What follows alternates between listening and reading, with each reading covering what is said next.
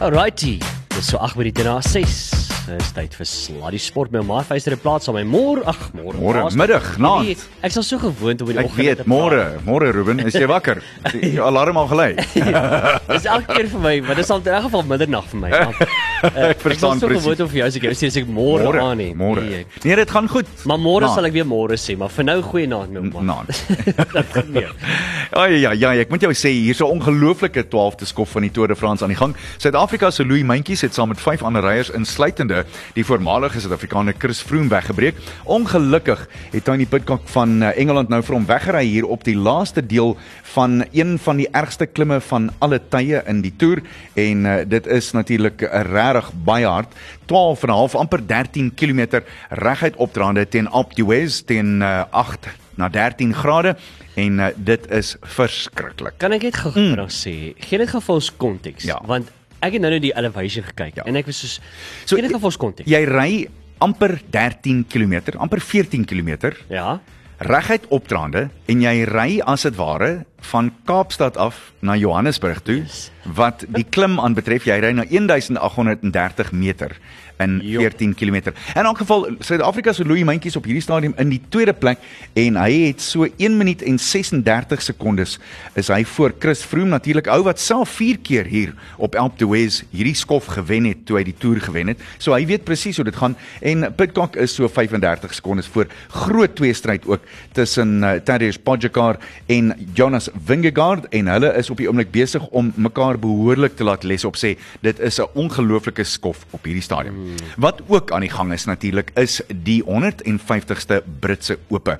En uh, ons gaan net nou na 'n paar van die tellings kyk. Daar's op ongelukkig nie veel vir Suid-Afrikaners om op hierdie stadium oor te skree nie.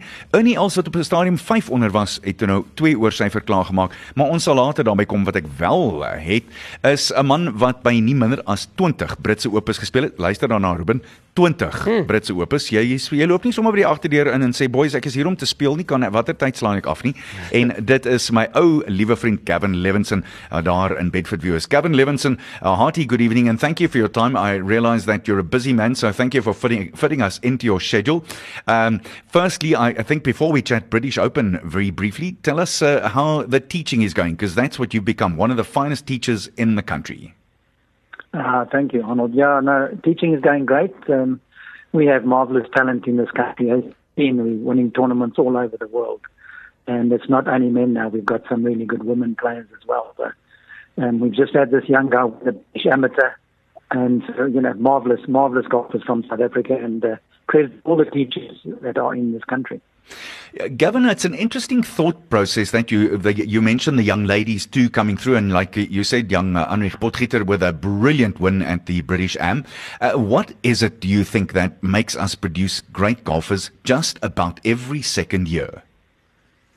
Well, uh, we have great weather. We have great um, golf courses, and golf is quite cheap compared to the rest of the world to play here. And also, we have marvelous junior golf programs. And so, you know, put all that stuff together, and then you produce great players. You had a, a superb amateur career as well. You um, you were represented South Africa in the 1976 Eisenhower Trophy, and you won some fine amateur titles as well. What do you remember back from those days? And then the follow up question would be: How has amateur golf changed since your day as an Ammy? Um, well, uh, I would say the amateurs in my day were real amateurs because um, most of us most of us worked and played golf. But today, um, you can't do that. If you want to be a real amateur, you have to be a full time amateur. So the only difference is uh, that the pros play for money. So the amateurs have to get their grounding as playing all over the world as as amateurs in, in these tournaments. They can't afford to take time off, otherwise they fall behind. That is, excuse me, that is an amazing thought. Uh, Gavin is Ruben here. I just wanted to get to this quickly because I do believe that you you've got a a, a nickname uh, that's uh, you you're known as as legs as well. Is it because you've got big quads or so? What's the story there, uh, Gavin? No, there's nothing big about me anywhere. no, no um, I just have very fast legs, and um, you know, during my time as a player, I was a very long hitter, and I used my legs a lot during my swings. Uh, hence, I got that nickname. Uh, Legs, you, you say that, uh, and the amazing thing about you was, I think pound for pound, you must still rate as one of the longest hitters ever. And at, in your time, you were one of the longest hitters in the world. But I don't think you ever tipped the scale much past 60 kilograms uh, wet coming out the shower. Isn't that right? uh, no, not really. I, I remember when I left school, I was 47 kilograms, Oh, and I wow. moved way up there, just over 60 kilograms when I was playing on turf. And uh, the the nickname, of course, came from your fine friend, uh, young uh, Robbie. And uh, Robbie was the man who came up with that. And uh, we all admired the how far you could hit the ball. I remember seeing you as a young kid at Springs Country Club and just marveling at how far you could. And let's be honest, the golf balls then were nowhere near what they are today. Imagine what you would have been like today with the the golf ball the way it travels today. Yeah, well, who knows? But you know, the the thing is that everything in sport progresses. You know, so yeah, I- I'm sure I would have hit further. But the, the players today are much better at. Um, they're very they're very much in tune with what they eat. Every single thing about them is is now way up there with with every sport. And so you know, the equipment has just gone everywhere. But the the, the players have followed in in their um, ability to be able to make all these these wonderful new moves where they use their their whole body and the equipment just matches to it. So I wish I wish I was a little younger, but uh, no, we can't we can't uh, look on, on what's past, and we just go with now watching these wonderful players at the British Open. and teaching them everything that uh, you know about the swing, which is a heck of a lot. For those amateurs listening, Gavin, what do you think has been the most interesting thing for you to learn about the golf swing in, let's say, the last two or three years? And how would you how would you share that with amateurs who are listening? Well, I would say most of the, the new golf swings are very flexible. So you need to be, have what we call fast muscle, this bulk muscle you might have in rugby. So the, the, hmm. the golfers are not really big, powerful people, but they have what they call fast muscle. And that's where they need to be. So you need to be strong, but you need to have this muscle that's very flexible. Let's turn our attention to the British Open. How many times did you tee off on the first tee at the home of golf at St Andrews? Um, I play, managed to play two opens there Oh, in brilliant. 84 and I think 91. And in fact, I think 84 was your best finish at, at the British Open as well, if I've got it correct. Yeah. So it shows you. And uh, Legs, just um, talk to us about playing St Andrews. Well, you know, the thing about St Andrews, um, when I was playing, it was pretty dry like this, and it's only in the last, you know, the years that they started watering links courses. So the, you know, you need a little bit of luck because the ball can bounce sideways, forwards, all kinds of things, and then you put the wind into play.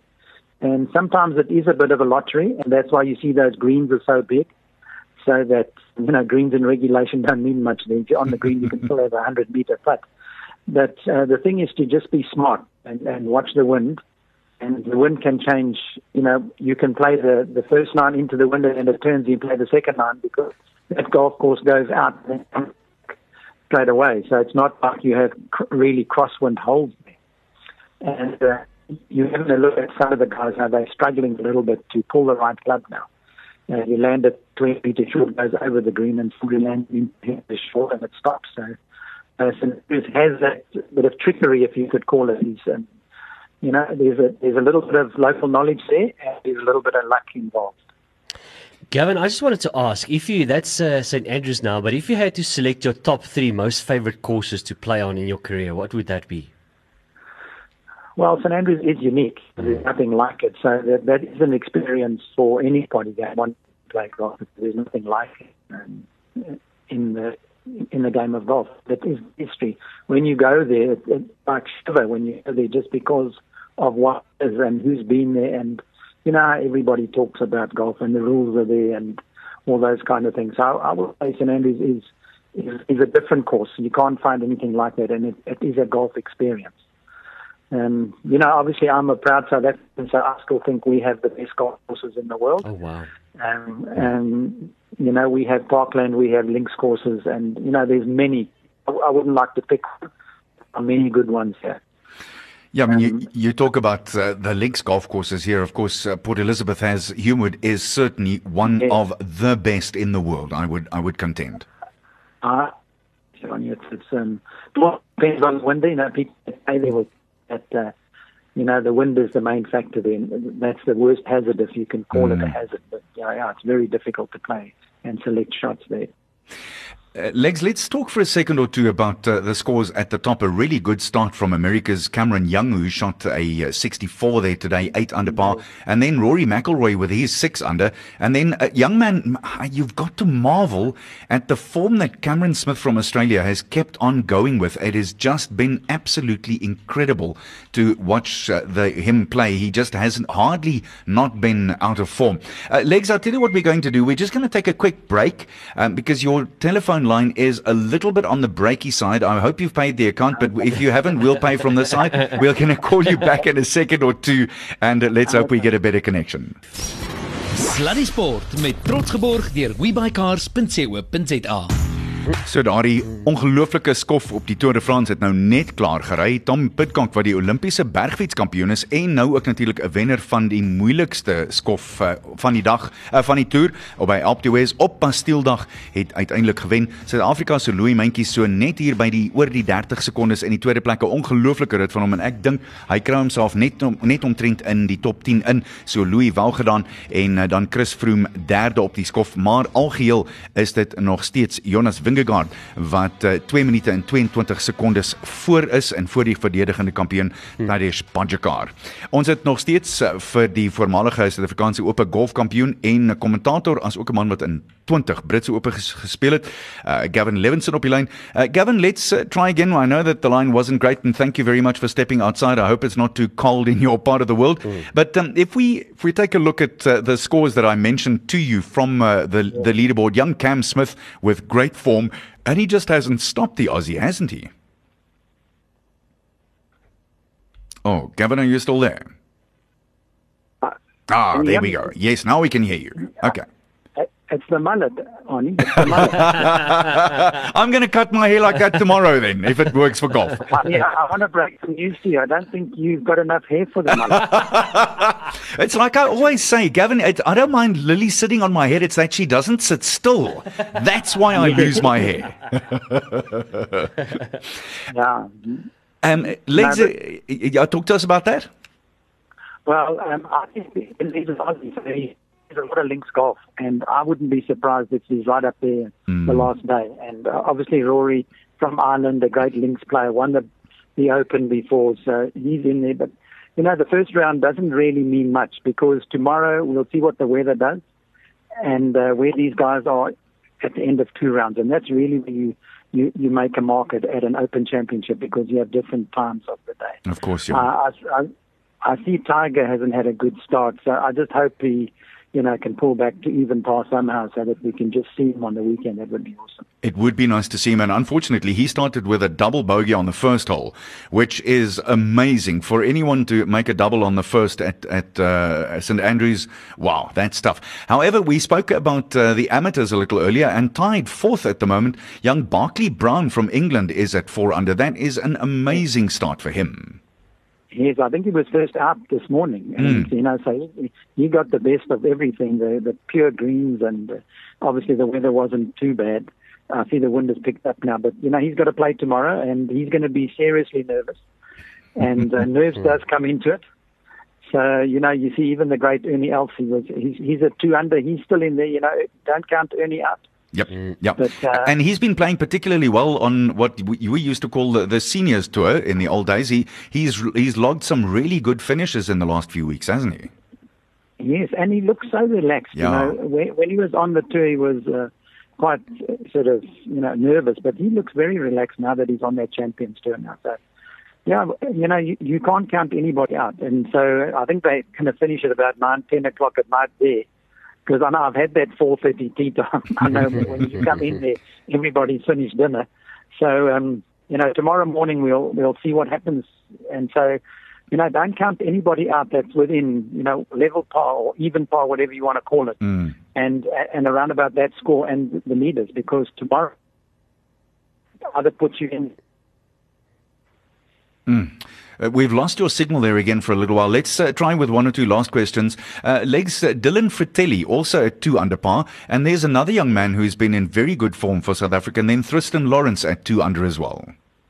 Yes, yeah. Tristan has now come to the fore. He was a very good young amateur, and then he sort of went into, I don't know what it did, the doldrums, but now he's starting to play well. He won that tournament in, on the uh, the Sunshine Tour, and that's given him ability to play around the world. So you never know. You, know, somebody could do it. Um, I remember Louis winning there. He shot uh, 20 under or whatever it was. Yep. You know, so the South, South Africans like that place. So let's hope one of our young guys are going to be the next, you know, the next major winner.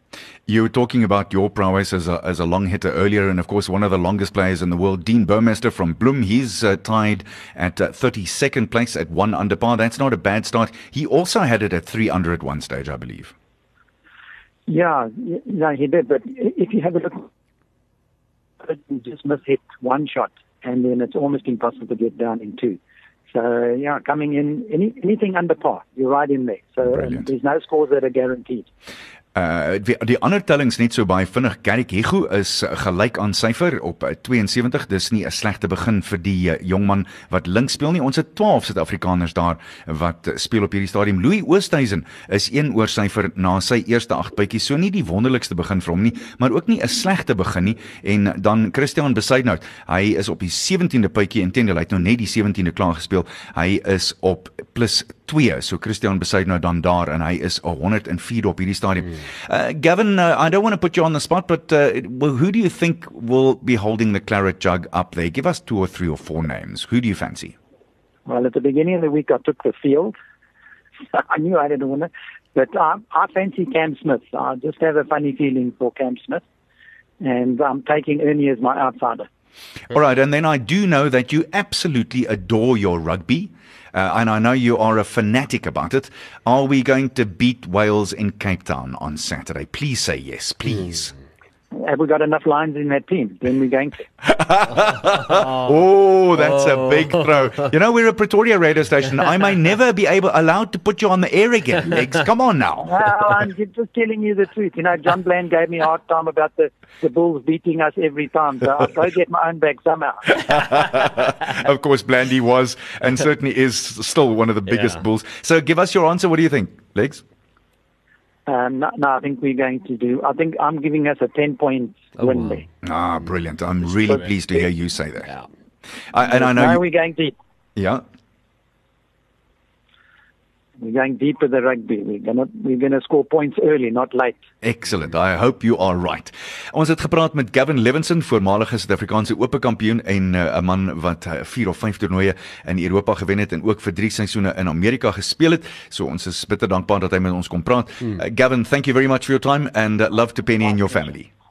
Thanks, and the same to you guys. Eh? Have a good evening. Likewise, God bless. Gavin Levinson hier in gesprek met ons oor die Britse Ope en uh, soos ek sê iemand wat uh, wat regtig die spel ken en beslis een van die beste afrigters in uh, Suid-Afrika wat die golfswaai aanbetref. Dis ongelooflik. Ek was nou 'n paar keer by hom toe my swaai so effens siek was en as jy 'n halfuur by hom spandeer het, dan slaan jy die ding ewe skielik uit die middel van die stok uit. Hy is ongelooflik wat dit aanbetref. Lekker. Nou ons is net hier daar terug bly net vir is. Sluddy Sport met trots geborg deur webycars.co.za. Okay, kom ons kyk gou uh, gee vir ons net 'n 'n finale opsomming van die toer. Goed, so dis hoe dinge uitgewerk het op die 12de skof 'n ongelooflike vertoning van Suid-Afrika se Louis Mentjies en die skof wat klaarmaak met die mees skrikwekkende klim in fietsry. Intendeel, ja. dis sekerlik een van die moeilikste as dit nie die moeilikste klim is. 21 sogenaamde switchbacks teen 14 km op en jy klim 1800 meter oor daai laaste 14 km. Brittanje se Olimpiese bergfietskampioen Tom Pidcock wen die skof in 4 ure 55 minute en dit was nie hier nie om en by 160 km lank. Louis Mentjies van Suid-Afrika was 48 sekondes terug in die tweede plek en Chris Froome ook so eintlik van Suid-Afrika hy het maar hier by St John's groot geword. Hy kom van Kenia af, maar hy ry eintlik vir Engeland was derde goed om hom terug te sien in goeie vorm. En dan die sogenaamde GC of General Classification. Jonas Vingegaard van Jumbo Visma is nog steeds voor. Hy's 2 minute en 22 sekondes voor Tadej Pogačar en Brittanje se Geraint Thomas is nog 'n verdere 4 sekondes agter. Die goeie nuus wat Louis Mentjies aanbetref is hy het weliswaar gister tyd verloor, maar ek dink hy het tyd verloor om vandag goed te kon jag, dis hoe dit baie keer werk. Hy is nou in die 13de plek, net net buite die top 10, 15 minute en 46 sekondes agter die voorlopers. Dit was werklik waar 'n baie baie goeie vertoning van hom vandag op op Dues. Net vinnig, so dis die 12de skof. Hoeveel skofte is daar nog oor? So daar's nog sewe skofte oor Okay. en uh, de, hulle gaan nog op. Ehm um, daar's nog mm. daar's nog baie harde ry wat voor lê. maar daar kom ook 'n tydtoets en dan een of twee berge wat nog oorbly ook en dan natuurlik die laaste skof volgende Sondag, nie hierdie Sondag nie, volgende Sondag op die Champs-Élysées wat net skrikwekkend vinnig is. Ek dink daar's 13 rondes wat hulle om die Champs-Élysées ry en dit word gedoen teen om en by 'n gemiddeld van 60 km 'n uur yes. vir die laaste uur en 10 minute se ry en dit slaan jou asem weg. 'n Deel daarvan is op plaveisel, so daar's 'n harde geskit. Die fietsse vat verskriklik baie moeite en so van die lywe ook, maar dit is een van die groot sportskouspelle van alle tye. Kan nie wag nie. Kom ons gaan oor na cricket toe. Uh, vertel ons 'n bietjie van daai Suid-Afrikaanse span as ek dit reg het wat hierdie Engelse jong leeu speel. Vertel ons 'n Mm, bietjie dis van dit. heeltemal reg. So dit op die oomblik is aan die gang en ek moet jou sê, so dit is uh in die jong leeu's wat teen Suid-Afrika speel, dis eintlik 'n Protea span en ek moet jou sê as jy kyk na die Suid-Afrikaanse beurt, hulle het op die ou einde dis nou die manne in groen en goud 360 vir 7 in hulle 50 beurte gemaak. 'n uh, Goeie vertoning van Rassie van der Dusen 61 van net 52 afleweringe. Heinrich Klaasen 123 gemoker van net 85 balle af. Dit wil gedoen word teen 'n tref eh, tempo van 144. David Miller net so 'n klein 22 en dan Andile Peglekwayo. Hy skuld ons 'n bietjie, ek moet sê, 67 van 53 af en uh, hulle maak toe nou daai 360 teen net so hier oor 7 per beurt en op hierdie stadium is Engeland se leeu's 235 vir 7. Hulle het 126 lopies nog nodig om te wen teen 13.5. Hulle kolf op hierdie stadium teen 6.5 per beurt en hulle het amper amper 10 per beurt nodig. Ek dink nie heeltemal hulle gaan die knoop deurraak nie want hulle is nou al reeds hier in die stert van die manne in. So dit kan nie maklik wees vir hulle nie, maar dit is die uh, situasie dan. Ons sal net nou weer net so aan die einde van uh, Sluddy Sport net daar invul om te sien hoe dit gaan. Waar speel hulle? Hulle speel in Engeland uh, alright. en die ander groot wedstryd natuurlik op hierdie stadium ook in Engeland is Engeland teen Indië Ah. en dis op Lords. Engeland vroeër uitgehaal vir 'n baie skamele 246 werklik waar niks om oor te skrik nie. Ek is eintlik verbaas dat die Engelse nie heeltemal deurgekom het nie. Dit was nie 'n baie goeie kolfbeurt nie. En Engeland op die ou einde net uh, goeie vertonings van uh, met die kolf van Moen Ali 47 van 64 af. En dan die volgende beste telling glo dit of nie is net 38 van Johnny Bairstow wat dit van 38 afleweringe geslaan het. So 'n goeie bal vertoning heel duidelik van India, maar India self op hierdie stadium effens in die moeilikheid. Hulle is 10 vir 1 en dis na die eerste 5 beurte. So hulle kolf nou maar net teen 2 per beurt. Hmm. Sukkel op hierdie stadium en hulle het 5.26 per beurt nodig om in die mas op te kom. Okay, so kom ons gaan oor na rugby toe want I mean dit is nou die bepalende wedstryd Saterdag. 5 Dit- vir 5 skop hulle af op uh, Kaapstad Stadion. Annie, eerstens, kom ons begin eers by die span. Ehm um, ek meen ek het nou gesien, ek weet nie of jy gesien het, Skalk senior het ja. Uh, toe nou ook op Twitter het hy uitgevaar teen teen die uh, afrigterspan. En toe antwoord Rassie terug. Dit Rassie Ja. van terug geantwoord is van maar die die kort en die lank is dat uh, Skalk senior het ook gevoel dat ehm um, daar da, hy sy mening was daar is nie regtig respek getoon teenoor die span van Wallis. Wat is jou gevoel? Jy weet wat ek dink dit is baie moeilik om daai roep te maak en ek sal jou sê hoekom. Waar gaan jy spelers 'n kans gee om hulle self te bewys op die beste en die hoogste vlak? Gaan jy hulle teen met groot respek teen Namibië laat speel of gaan jy hulle teen Kenia laat speel? Uh, waar kry jy 'n kans waar jy ouens kan laat speel waar hulle teen 'n taai span teen 'n baie taai span en ek bly by my punt van verlede week Ruben. Die week van tevore en ek wil ek wil niemand in die gesig vat met dit nie dis nie die punt nie. Was dit die manne wat gekies is op hulle reputasie? Dit beteken nie hulle is wonderlike rugby spelers nie. Ons praat van wêreldbeker wenners hier. En dit was hulle hulle het harde klippe gekou teen Wallis hier op Loftus. Toe die volgende span gekies word 14 veranderinge en die span is gekies op vorm Meeste van daai spelers was in ongelooflike vorm as jy mooi daaroor gaan dink. Selfs Jaden Hendricks het het wonderlik gespeel vir die Sharks in die URC. Ek wil jou net gestop daar. Mm. Jy nou sê ons kies op vorm, ek hoor jou. Maar kom ons sê nou dieselfde span het uitgedra vir Bloemfontein. Uh ja, moeilik, moeilik om te sê, ek Moeilik weet, om maar- te maar sê. sou jy Ek- sê? ek- Dit is moeilik om te sê want ek dink die as as jy die span sou gehad het wat op Loftus gespeel het. Mm. Hulle die hulle het 'n goeie kans gehad om na Wallis te kyk. Dis die eerste ding. Hulle het 80 minute teen hulle gespeel of meeste van hulle het, het lank op die veld saam met is hulle spandeer op Loftus en hulle toe nou geweet. Onthou, ek wil jou terugvat na wat Willie Leroux gesê het by die die nuusvrystelling die week van tevore. Ek gaan hom in Engels aanhaal want Willie het gesê Wales likes to take you into the trenches and then see who can stay there the longest. Hmm.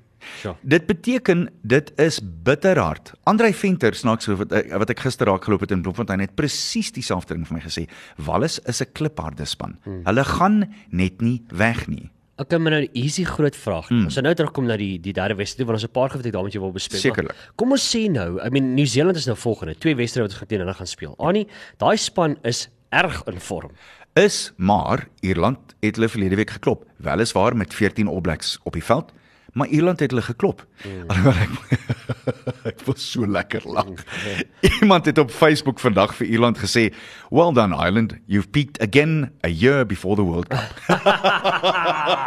Okay, Dis nie fair nie. Dis nie regverdig nie. Kom nou. Ja.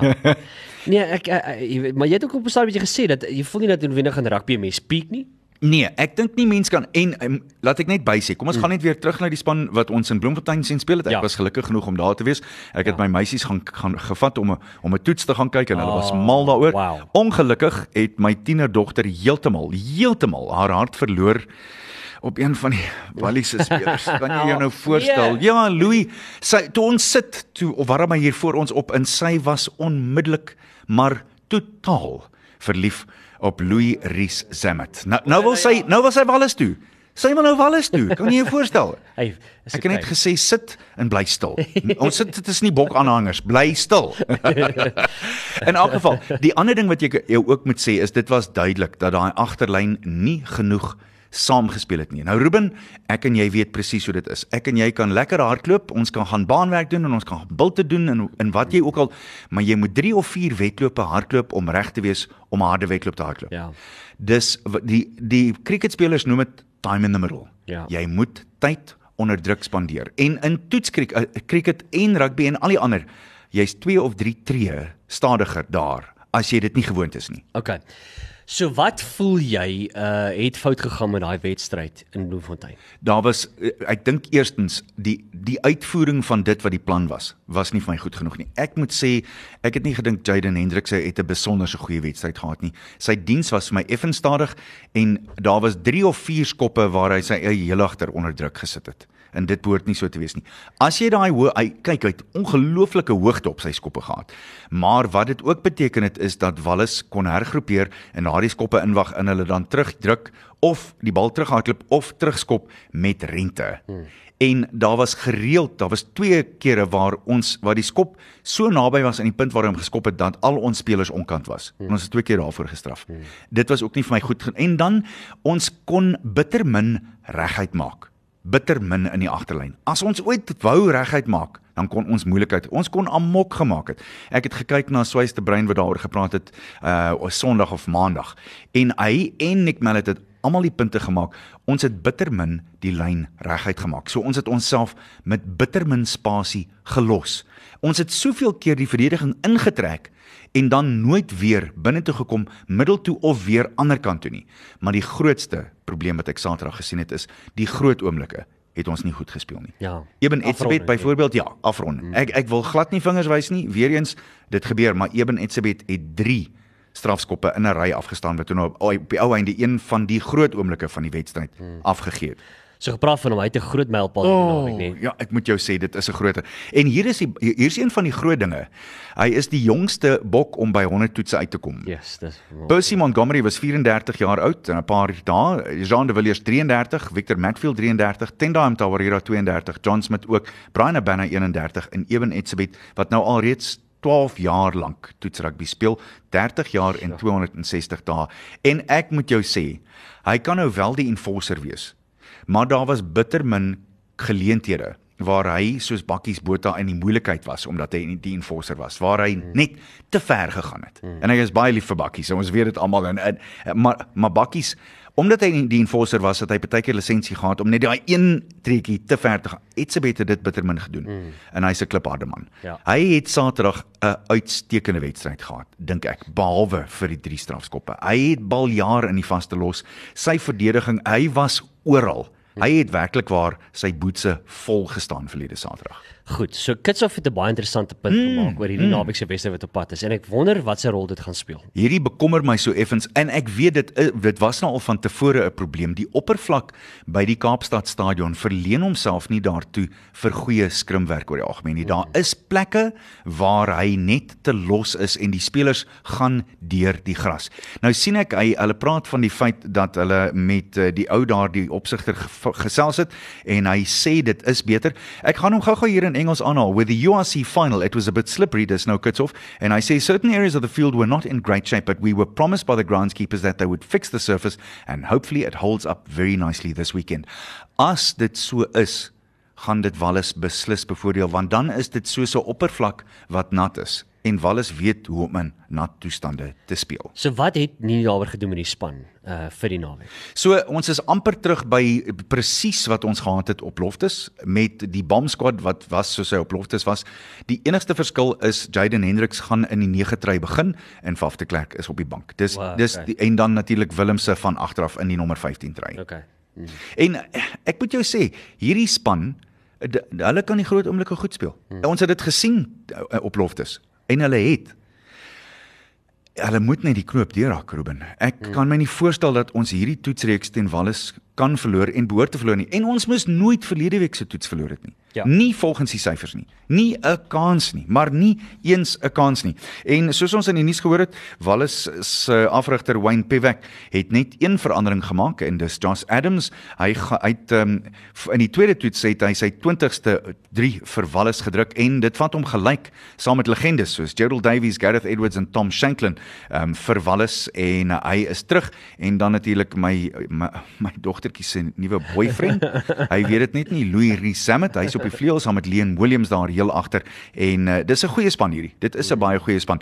Die skeieregter is van Engeland, is Matthew Carley wat weer eens baie interessant gaan wees want hy het natuurlik of die die noordelike halfrond skeieregters het 'n ander toepassing. Ons het verlede week as die skeieregter gehad wat ek dink op die ou einde nie 'n slegte wedstryd gehad. Hy het intedeel daar was die geel kaart wat gekom het moes eintlik nie 'n geel kaart gewees het mm. vir Wallis nie. So ons was so effens gelukkig daar. Angus Gardner, juis hy is op die kantlyne saam met Nika Amashukeli van Georgië, soos Jan eh, Snyman sou gesê het in die ou dae mm. en Brett Cronin van Australië. Want ons praat nou van uh, dit was eintlik die mekaar naweek want Ierland klop mm. Nieu-Seeland, Wallis klap ons vir die eerste keer ooit uh, ja. en as gevolg daarvan het dit 'n reuse invloed gehad op die wêreldranglys. En Engeland klap toe nou vir Australië daaronder ja. en dis die eerste keer in in wêreldrugby geskiedenis dat drie noordelike halfrond die woorde word so dik soos mieliepap sonder melk in my bek soos ek dit sê dat, dat drie noordelike halfrond spanne mm. ons drie die groot drie suidelike halfrond spanne by die huis klop dit was die eerste mm. en dis naar in elk geval wat dit toe nou beteken het is na Frankryk se goeie oorwinning is Frankryk die nommer 1 rugby span in die wêreld Ierland is tweede en hulle is punt 8 van 'n punt voor Suid-Afrika. Ons is die Bokke is in die derde plek, Nieu-Seeland 4de, Engeland 5de, Australië 6de, Skotland 7de, Wallis 8ste. Hulle is een op na hulle wen en Argentinië 9de en die Japsnese is in die 10de plek. Hmm. So, hierdie naweek is 'n groot en baie belangrike wedstryd. Jy weet, so, dit klink my asof Rassie vir my baie rustig is, hoor dit. Hmm. Ehm um, ek dink as ek so optel na wat hy die laaste kwyt geraak het, dink ek hy voel baie baie rustig en dit voel vir my weer eens aan. Ek ek weet ek sing dieselfde dingetjie oor en oor en oor, maar dat 'n mens soos met ek sê ek kom weer terug na dit toe. Chasing the Sun het die mense laat besef dat ons weet nie wat hulle planne hmm. is en wat hulle doen nie. En ek wonder weer eens en ek ek verdedig nie, ek sê maar net ek het volle vertroue in Rassie Chelsea en in Ninaber en wat hulle mee besig is om te doen. Ja, dis lekker om teen Wallis te verloor. Dit moes nooit gebeur het nie. Nee. Maar ek dink hoe's ook die groter prentjie hierso. Ja. Beslis. En as jy nou net terug te, teruggaan na daai daai nare kommentaar van wat 1 uur oor die ander ure gesê het. Ek verstaan niemand. Ek wat ek het siek gevoel. Ek het absoluut siek tot in my maag toe daaronder tot by my skoenveters gevoel. Ek moes mm. gaan sit en net so 30 sekondes my kop vashou in ja. Bloemfontein ja. ja. toe daai laaste bal aangeslaan is. Mm want dit was naar om te verloor. Dis nie lekker om te verloor nie. Niemand hou daarvan nie. Nie die toeskouers nie en die spelers nog minder. Yep. Ja. Laat mens nou maar eerlik wees, hulle haat dit. Ja.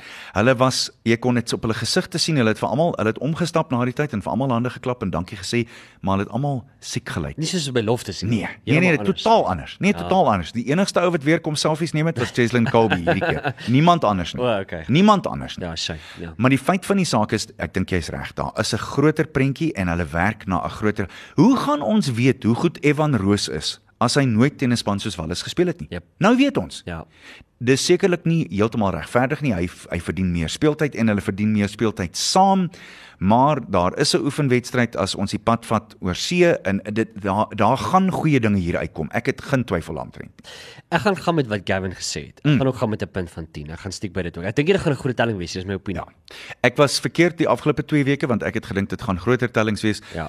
En dis die een vraag wat Skalk Burger senior wel aangeraak het wat my diep laat dink het. Is ons beter as wat ons dink ons is op hierdie stadium? Ek weet nie. Op hierdie stadium weet ek nie, dis vroeg. Die ja. die ouens het nou 4, 5 weke saam spandeer. Hulle speel nou hulle derde toets. Kom ons wag tot Saterdagmiddag 7uur toe. Net gou-gou vinnig deur kan ons het ons het nog mm. tyd om vinnig deur al die Ja. toetse te gaan. Ja. Uh 5 oor 9 Saterdagoggend Nieu-Seeland en Ierland. Weer, o, oh, nou is hulle kwaad. Die hare gaan waai. Ja. Die Aussie speel om 5 voor 12 teen Engeland daar op Sydney se cricketgronde en Yes. ek moet jou sê dit is 'n massiewe groot plek. Dis dis eintlik nie uit verleen hom nie na rugby toe nie want hy's so groot. Ja. Dan Georgia teen Portugal om 4 uur die middag en dan die Bokke 5 oor 5 teen Wallis. Hmm. Om 9 uur Australië teen Chili. Dit gaan 'n warm game. Ek wou nou net dieselfde ding sê. Ah ja, jy weet, hoe sê die Engelse fools never differ. En Argentinië Argentinië speel om 10 oor 9 Saterdag aand teen Skotland. En daar het die hare ook die afgelope ruk gewaai. Ek moet jou sê die Pumas was tot dusver indrukwekkend. Dis hoe dit gaan. Mm. So dis ons laaste en bepalende uh, toets teen uh, Wallis en ons hou styf duime vas en van daar af sal ons verder gesels want dit raak dan nog net erger. Want dan klap die bokke vir Nieu-Seeland vir 'n vir dit is twee wedstryde, nee. Ja, heeltemal reg. Wat is hulle meen en dan is dit Australië as ek dit reg het, mm -hmm. volgende op pad is so. Heeltemal reg. Dit gaan lekker wees. Nou ja, Die hare gaan waai. dis dit vir vanaand. Ek het goeie nuus, Ruben. Ek het mees ek het die mees ongelooflike nuus. Ek gaan 3.5 miljoen dollar betaal word. Oor Oor ja, oor oor 4 weke. oor 4 weke. Mm, oor 4 weke vlieg ek Mars toe met 'n golfbal en 'n golfstok.